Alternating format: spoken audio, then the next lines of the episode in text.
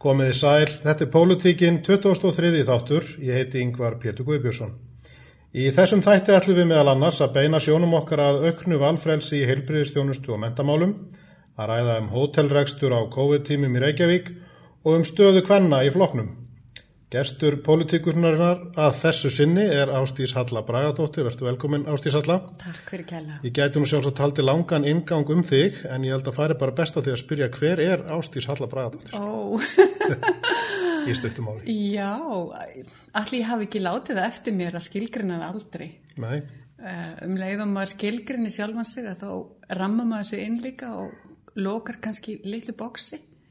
Allir ég vil ekki leifa mér að hafa frelsi til þess að skilgrina mig alls ekki vegna þess að ég hef bæði verið í pólitík og atvinnulífi, uh, ég hef verið frumkvöld og búið til fyrirtæki, ég hef líka rekið um, bara hefbundið stórt fyrirtæki, uh, ég hef verið í sveitarstjórnumálum en líka unni fyrir flokkin á landsvísu Þannig að ég ætla að leifa mér að halda frelsun áfram og vera ekki að skilgrina mig of. en þetta var kannski ágætis kynning á þér samt. Uh, þú hefur verið eins og þú komst inn á í fyrirtækjarekstri og ert meðalans frumkvöðl í, í því að koma að standa engarekstri í ákunni sviðum á helbriðismálum á Íslandi. Mér langar kannski aðeins að byrja á helbriðismálunum uh, af því að nafn þitt kemur nokkuð stert upp í hugan þegar þú maður hugsar um uh, engarekstur og valfrelsi í þessum tveimum málaflokkum, helbriðismálum og metamálum. E, þú stopnaði bæði sinnum og klíningin í ármálunum og komst að innleggingu síðan að skólamálum, er engarekstri skólamálum í Garðabæ. Hvernig kom það til að þú hérna, stopnaðir sinnum og, klíningina í ármála og, og hvernig var það ferli að, að fara að stað með svona stórt engarekstursverkefni á þessu svið? Það, það gerist eiginlega í kjölfar þess að ég var mjög lengi mjög áhugasum um það að það erði meira valfrelsi í mentamálum og vann að því mjög lengi bæði að þá vann ég að undirbúningi þess þegar ég var aðstofamæður mentamálur á þeirra og fór til bandarækinn og kynnti mér valfrelsi og, og, og kynnti mér það líka í Svíþjóð og víðar og sá ávinningin af því. Og valfrelsi er ekki síst mikilvægt fyrir þá sem að eiga ekki pening en þurfa að fá stuðning eða greiðslu frá ríkinu til þess að hafa val sem að stundum þeir sem eru efnaðir að hafa alltaf óháð aðstæðum. Þannig að fyrir mér hefur valfrelsi alltaf verið hluti af baráttunni stjætt með stjætt og því að þeir sem að kannski búa ekki við þau forréttindi að geta farið hvers sem eru vilja til að fá þá þjónustu sem þau vilja hafi líka eitthvað um sín mál að segja. Og þegar ég var búin að vinna að eh, þessu í mentamálunum í doldin langan tíma þá var ég búin að sjá það fyrir mér að það væri mikilvægt fyrir Íslands samfélag að eitthvað svipa gerðist í helbriðstjónustu.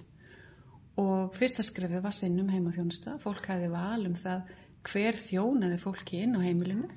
Íslendingar eru að verða eldri og eldri þjóð og þjónusta inn á heimilum verður að mikilvægari til þess að það sé minna um stofnanavæðingu og fólk hafi meir um sín eigin mál að segja og sinnum verður til sem svona viðleikni til þess að fólk geti valið hvern þar fari heim og hvernig þjónustu það fari heim.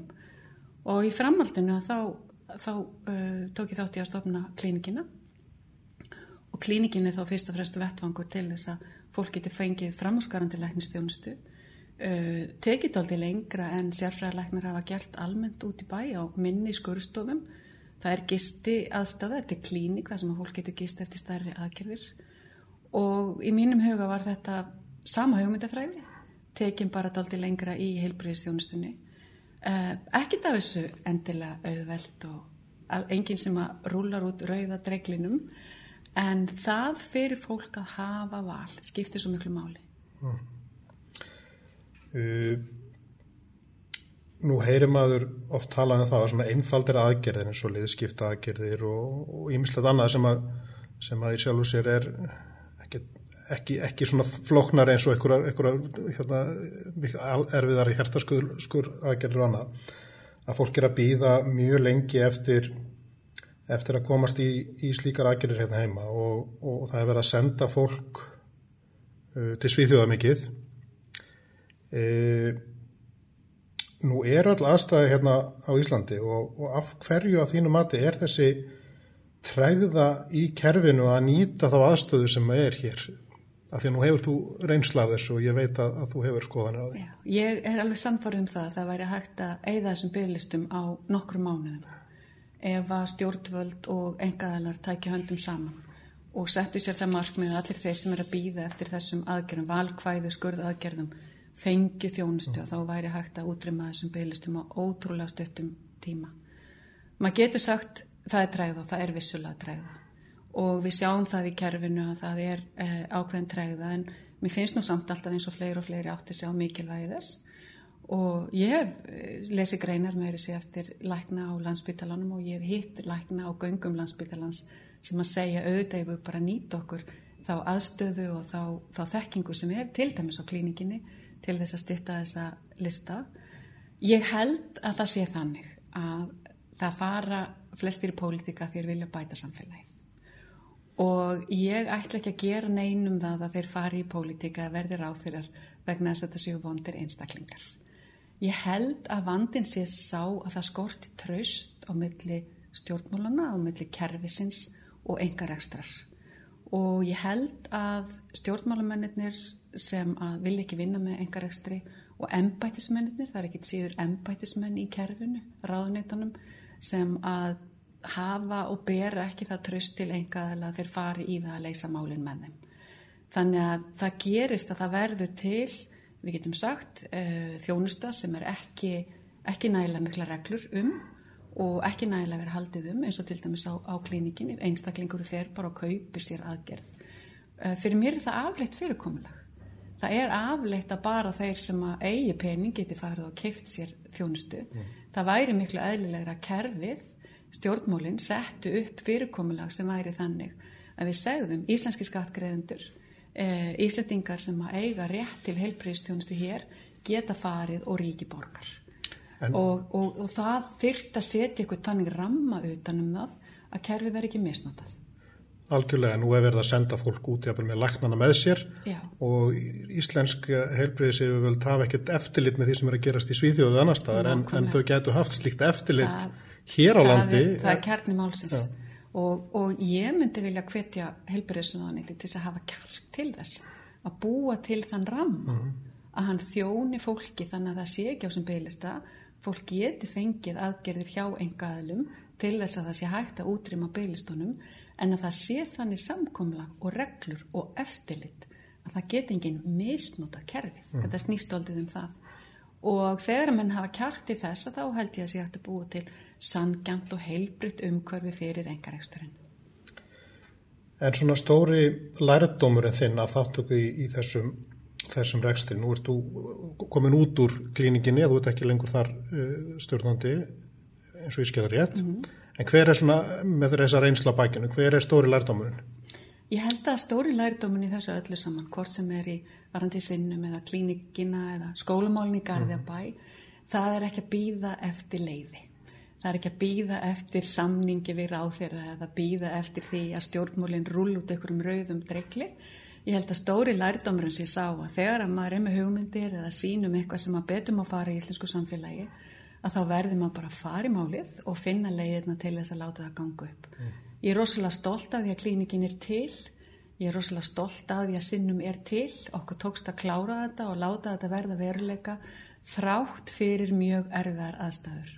Og ég held að stóri lærdómurinn og ef, að, ef ég ætti að hvetja fólk sem er með drauma um það hvernig það getur breytt samfélagin og gert eitthvað sem að skipti máli það er það að gera ráðferði að pólitíkin sé tregitömi gera ráðferði að sangirni sé ekki endilega til en að finna leiðirna til þess að láta hlutin að ganga upp þá ánga til þjónustan er raun og veru bara búin að sanna sig. Mm. og það hefur gerst bæði hjá sinnum og klínikinni þjónustan hefur sanna sig og það eru fjöldin allar af fólki sem kemur. Það eru þúsundir einstaklinga búinir að nýta sér þessa þjónustu. Það er búið að lena þjáningar þúsunda, það er ótrúlegu fjöldi fólks allstæðar að landinu búin að koma og þykja og njóta þessara þjónustu. Og ég er mjög ána með það og ég er mjög stolt af því. Og ég veit að hún mun lifa og einn daginn að þá segja stjórnmólinu og segja kerfið það er fáránlegt að koma í veg fyrir þetta, það er fáránlegt að vinna ekki með þessu og nýtit ekki og ég býð eftir að dagur kemur því ég er algjörlega sannfarðum að hann mun koma. Ég ætla ekki að sleppa þér alveg með þessi engarekstra mál. Þú varst bæjastur í Garðabæ í fimm ár frá 2000 til 2005 og þar áttu þú frumkvæða því að Garðabær samti við Margreti Pálu um uh, hjallastefnuna, rekstur hjallastefnuna á grunnskóla í bænum sem er eitthvað sem að ég held að, að hafi, með alveg segja, hafi slegið í gegnbor og er komið við um land. En hvernig kom það til að þú tókst eða þið í Garðabær tóku svona djart skref og hver er ávinningurinn af þessu samstarfi? Ávinningurinn er sá að ég held að hverki á Íslandi sé íbúður jafn ánæg með skólamál eins og í Garðabæ og valfrælsið er leikillina því uh -huh. vegna þess að við erum öll ólík, börnin okkar eru ólík, börnin okkar þrýfast, upp, þrýfast í mismunandi aðstæðum og við verðum að hafa eitthvað um það að segja í hvernig skóla þau fara. Þannig að þegar að ég var bæjastjóri og þegar að ég fór að vinna með meirulutunum í Garðabæ að þá mjög fljótlega fundum við leiðir eða urðum við sammálu um það að þetta væri nöyslitt skref fyrir Garðabæ. Mm. Garðabær hafði alltaf verið mjög framalega í skólamálum en fyrir mér var þetta svona næsta skref og ekki bara að, að hérna, þá ákvaða við að finna leiðir til þess að opna engareikin skóla. Við tókum líka upp að það væri valfrelsa millir allra, allra skóla þannig að börn gætu farið á milli eftir í hvarðum leiði best mm -hmm. og þegar að Margit Pála bankaði upp á sem hún átti fyrir um hvaði að að þá vissi ég bara um leið að við byrjum að tala saman að þetta var akkurat tækifærið. Þetta var akkurat manneskinn sem að Garðabær átti að, að semja við. Vegna þess að hún var með svona framöndu hugmyndir, hún var með öðru sér hugmyndir og ég vissi það um leið að batnaskóli hjallastefnunar í Garðabær er þið öðruvísi skóli. Mm. Og það er það sem að skipti svo miklu máli að gera ekki meira af því sama, heldur að gera eitthvað sem er öðruvísi vegna þess að það ítir við öll í kerfinu, býr til svona skapandi og frjóa umræðum hvernig er hægt að gera hlutina og hún kom inn í Garðabæ með fullt af hugmyndum og nýjungum sem að aðri skóla síðan lærðu af og öpuðu jafnvel eftir sem var algjörlega frábært. E, þú varst aðstofað með mentamálaráðara Björns Bjarnasonar mm -hmm. og hefur þar að leiðandi ágættis einsýn og reynslu af þessum málum. Hvernig að þínum að þetta getur við nýtt okkur enn frekar kosti enga framtaksins bara í skólakerfin í held á Íslandi í dag? það er hægt að gera í miklu meira marni. Það, ég, myndi, ég myndi horfa á grunnskólana. Það er, sérst, sem betur fyrr, steg bjött það skrefa reyðja breytuna fyrir, fyrir það að háskólinni Reykjavík varð þess að skóli sem hann er í dag, sem er frábært fyrir Íslands samfélag. Eh, við erum með enga rekna skóla á framhaldsskólasti og þeir mættu vera fleiri. Ég held að það séu mikil tækifæri til þess að gera grunnskólan á Íslandi miklu, miklu, miklu betri en þeir eru. Mm og ekki bara með engarekstri, líka með valfrelsi og líka bara með meiri metnaði hjá sveitafélagunum í, í því að vera með að styðja betur við skólana. Eh, það er margt gott að gerast í grunnskólanum en ég saknaði svolítið að sveitafélagin séu að, að gera skólamálum, ég, þau ætti að vera að gera þeim að mínum að þetta er miklu hærra undir höfði, bæði leikskólanum og grunnskólanum og meiri fjölbreytni í grunnskólanum væri góð og þar gæti engaregsturinn skipt miklu, miklu máli. En það verður alltaf að vera þannig. Það má ekki þvinga fóreldra, það má ekki þvinga börn. Það má ekki að búa til þannig skólakerfi að börn séu þvinguðinn í engaregstur. Alls, alls ekki. Alltaf fyrst og fremst verður að vera þetta val og fyrir fólk sem að vil hafa börnin sín í ofinbörum eh, hverfi skóla skiptir máli að það sé líka til staðar og þeir skóla séu framúskarandi þau þurfum þá kannski að hafa kjartið þess að stíga fleiri, fleiri skreif í þessum öfnum. Engin spurning. Uh, aðeins svona að ferða þjónustunni þetta, nú ert þú að reyka hótel í Björnmóla, Hótel Ísland Já. og það er bæði hefbundi hótel og síðan eru, eru þið að, að hýsa sjúklinga eða, eða fólki sem er búið í aðgerðum á, á klíninginu og er að jafnast eftir, eftir, eftir hana eða það er. Segðu mér aðeins frá þessu hóteli sem þið eruð að reyka og hvernig Eh, hvernig það hefur verið að reyka hótel á Íslandi eða í Reykjavík á COVID-tímum? Já, þetta er nú, þetta er áskorun, það verður að segjast og það gerist eiginlega þegar ég er svona, þegar mínu hlutverki líkur í klíninginni að þá fer ég að taka við þessum hótelrekstri til þess að snúanum við og komunum eitthvað áleiðis vegna þess að til þess að geta komið klíninginni á laginnar að þá þurftum við að breyta öllu húsinu og þurftum að breyta hótelinu og gera mjög margt til þess að klíningi gæti þrifist. Mhm. -huh og ég hef nú alltaf haft gaman af áskorun og vil hérna helst finna ógn eða finna tækifæri í ógninni eh, ég átti samt ekki vonaði þegar ég fór í það í fyrra að hérna, fara að reyka hótel til þess að klára þessa umbreytingu í ármálunum að áskorinninni jafn mikil og hún varði í reynd. Eh, ég hugsaði með mér um áramótin þegar ég var búin að einbytta mér að hótelrækstunum í dálten tíma 2019 og þá upplefðu við gæltrótt vá. Við upplefðum það að maksvélarnar voru kyrsettar og svo fyrirluti ásins í fyrra það voru meir og minna vinnustöðvanir og yfirvofandi verkvöld sem að settu sitt mark á ferðarþjónustuna. Þannig að 2019 var mjög snúið í hótelrækstri og ég hugsaði með mér um áramótin gott að árið liðið og 2020 komið vegna þess að ég var alveg sannfarðum að það er aldrei verða en 2019 en sannarlega hefur það verið það. Og, og hérna mikil, mikil áskorun mikil lærdómur. -huh. en ég er ána með það að búa Íslandi í dag. Ég er ána með það hvernig stjórnvöld hafa tekist á þetta mjög svo snúna verkefni. Ána með það hvernig stjórnvöld hafa unni mjög náið með þrýekinn og sérfræðingunum.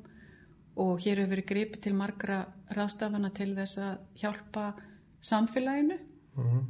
hvort sem er einstaklingum, sjúklingum, helbriðskerfinu atvinnulífinu í gegnum þetta, þetta erfiða tímabill Talandum stjórnvöld, hafið þið verið að nýta ykkur eitthvað úræði stjórnvölda? Hvernig hafið þið þá gagnast ef það svo er?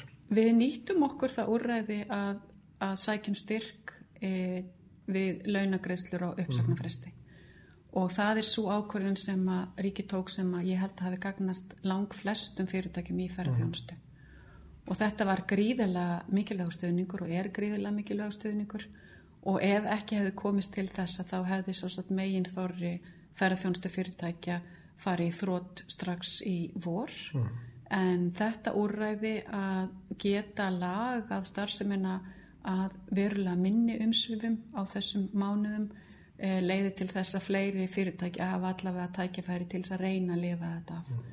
Og við erum sannlega að reyna að lifa þetta af og ef að ekkert kemur óvart, sem er nú erfitt að segja, þá ætlum við okkur að, að komast í gegnum þennan skapl. Mm -hmm. E, svo getur vel verið að, að veiran takis upp og landamærum verður loka á ný, þá veit maður ekki hvað gerist eða til hvað úrraði verður gripið.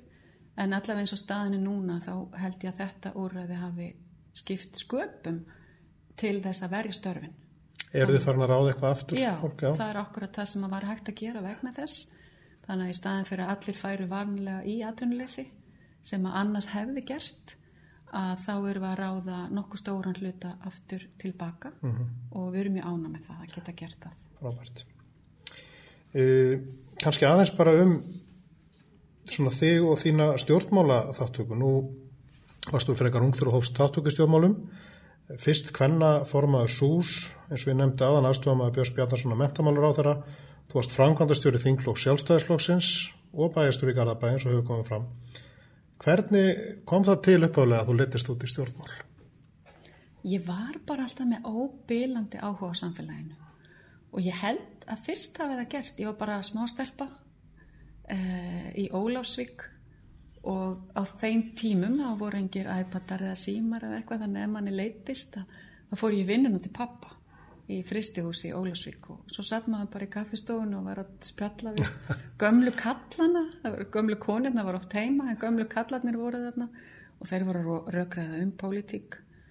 Og mér var alveg seld svo hugmynd þegar ég var bara þarna 6-7 ára sjálfstæðarslokkurinn væri máli stjætt með stjætt og og hérna þetta væri flokkur þeirra sem vildi berga sér og þetta væri flokkur þeirra sem að vildi komast út úr vandanum. Það voru oft svona erfiði vetur og erfiði tímar og þetta væri flokkurinn sem væri, svona, væri að hvetja mann þetta á það svo gerist það því ég er nýju tíu óra að við flytjum til Svíþjóðar og síðan til Noregs.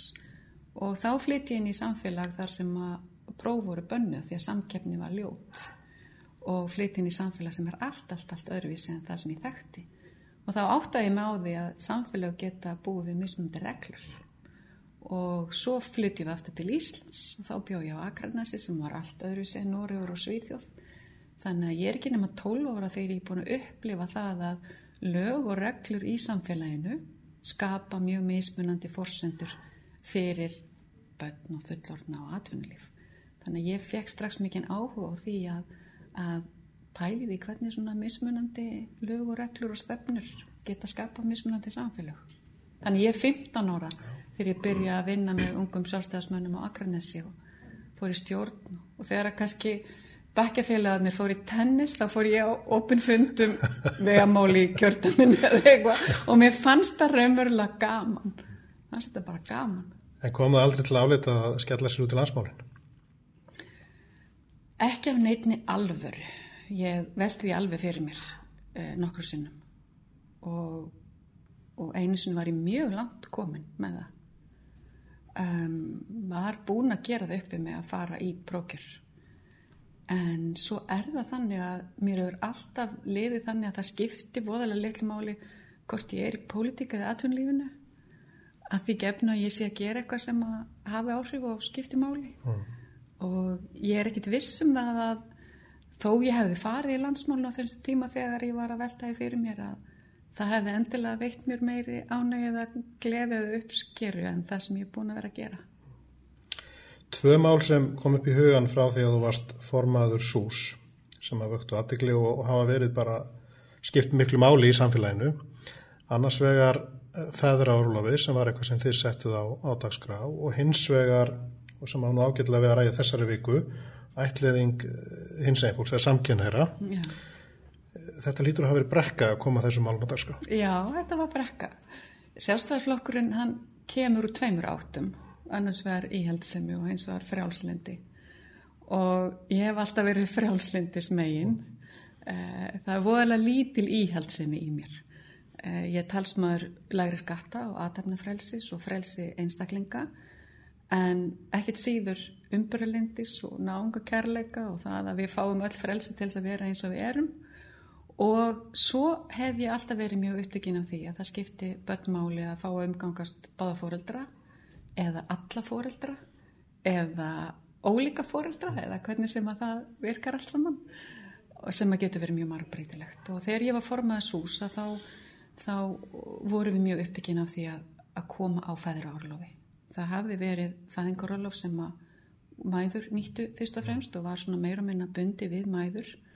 Og þegar við fórum að ræða þetta í sús að það ætti að vera orlof líka fyrir feður að þá fannst sömum þetta að vera rosalega mikil miðstýring, það væri að vera að þvinga feður heim til sín og þetta væri ekki anda sjálfstæðarflokksins en þegar maður er að klíma við það að í ára tugi er búið að þvinga innan gæsalappa mæður heim til sín að þá verður að koma á ákveðnu jafnbræði til þess að breyta samfélaginu, til þess að það sé viðukent af atvinnulífinu og samfélaginu að feður fari líka út af vinnumarka og kynnis börnunum sínum og börnin fái þennan rétt að kynnast feðrum sínum.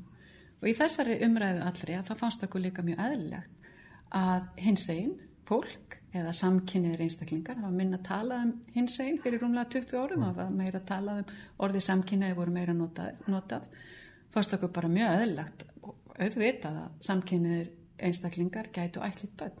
Það hafði ekki verið á þeim tíma og það hafði engin stjórnmálaflokkur tekið á dagskrá, í dag skilum að það ekki. Mm. Í dag skilum að það ekki hvernig það gætt verið það fyrir bara rúmlega 20 árum og voru það ungi sjálfstæðismenn sem að fyrstir tóku þetta upp. Magnað. Það er alveg magnað, ja. en það var líka dálti á brattana sækjan og við heyrðum umræðu út í bæjum það nú væri, nú væri ungi sjálfstæðismenn endanlega gengnir af göflunum. En við settum þetta í stefnis ús kom þessu síðan í gegnum landsfund og inn í kostninga yfirlýsingar, yfirlýsingar sjálfstæðarflokksins og þetta var mjög skemmtilegt, var mjög mm. skemmtilegt og það er alltaf skemmtilegast að vinna málum sem að virðist næstum því ómögulegt að koma á næstum því ógerlegt því að það er svo óbúslega gaman þegar það tekst. Gaman 20 árum síðan að rifja þetta upp að, og sjá árangurinn. Eh, svona aðeins kannski að lokum jafnbrettismálin og um, hérna, um stöðu kvenna í, í floknum.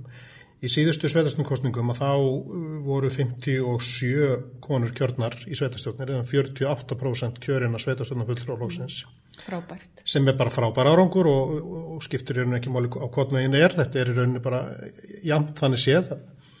E, en það er ekki alveg sama staðan á þinginu. Þar voru fjóra konur kjörnar til setu í 16 manna þingflokki, 25% hvenna.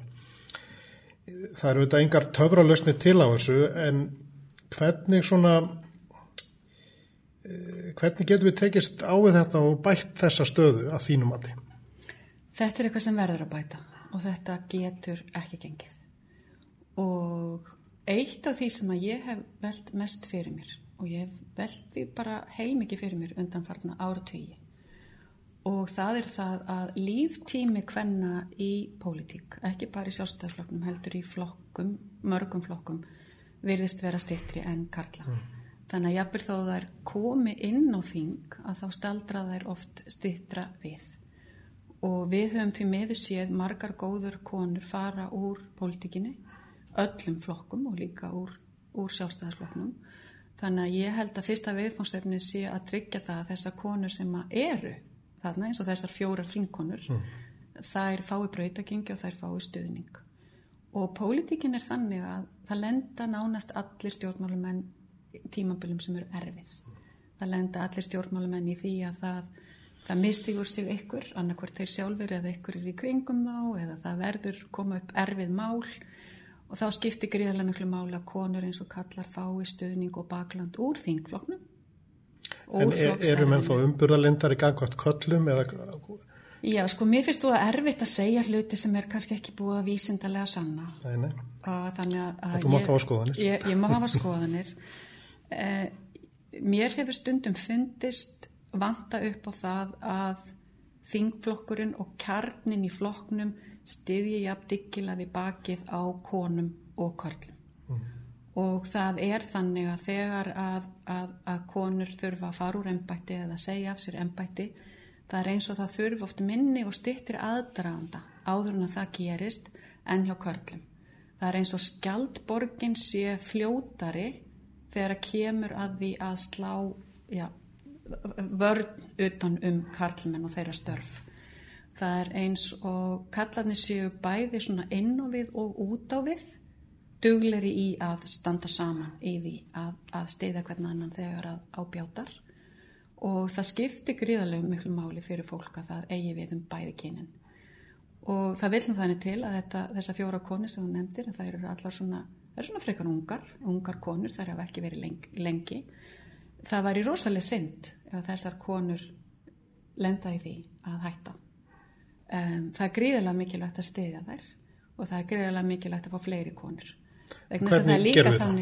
Það með því að, að vera meðvituð um þetta, vera meðvituð, hvetja til dáða, eh, tala þær ekki nýður, tala ekki um stelpunar í flokknum, tala ekki um smá stelpunar sem að núna mm. verðast að ráða ríkum í einhverjum ákunum álaflokkum. Þetta eru gríðalega flottakonur, þær eru frambarlegar, þær eru sterkar, þær hafa forgöngu núna um ímis mál það eru þær sem að tala mest um það að þó við þurfum að passa upp á heilbyrðiskerfið í COVID að þá megum við heldur ekki kleima frelsinu uh mhm. eh, -huh. það eru þær sem er að taka ný mál inn á dagskrá eh, hvort sem það er nýsköpun eða ímislegt annað og þegar þessar ungu konur stiga fram og eru að taka slægin í alls konar málum þá verða þær að fá ákveð svegrum til þess það má ekki slá puttan á þeim og tala um þær eins og einhverja smákrakkar því þetta eru framúsgarandi flottar konur sem að flokkurinn verður að styðja við bakið á svo að þær vilja halda áfram að vinna fyrir fólkið, vinna fyrir hugmyndafræði flokksins og vera það náfram vegna þess að það er ekkit gaman ef það stöðut verið að baknaga og slá á, á puttana fólki það er ekkit gaman að þá er ósku bæðilegt að fólk hugsa með sér akkur er ég að þessu, mm. akkur er ég að vinna hér frá mótni til kvölds, akkur er ég ekki með fjölskyldunum minni, akkur er ég hérna alla daga þegar það kemur svo kannski lítið annað en gaggrinni og jöfnvel óvægin persónulega gaggrinni og þetta er það sem að ég held að væri það fyrsta sem að væri hægt að breyta svo hratt og auðveldlega. Og svo auðvitað bara hvetja konu til þess að gefa kost á sér. Og svo náttúrulega umfram allt að, að sjálfstæðis fólk stiðji frambarila konu sem að gefa kost á sér í, í prókjörunum líka. Og, og, og líti ekki bara á það að konur séu áhugaverðar að meðan það eru efnileg heldur líka að stiðja þær þegar að fram í sækir. Ég held að þetta séu ágættis loka orð ástíðsalla þessum 23. þetta í pólitíkurnar Takk fyrir að koma til okkar og takk fyrir að veita okkur einsýnin í þessi mörgum mál sem við höfum rætt í dag. Takk sem leiðis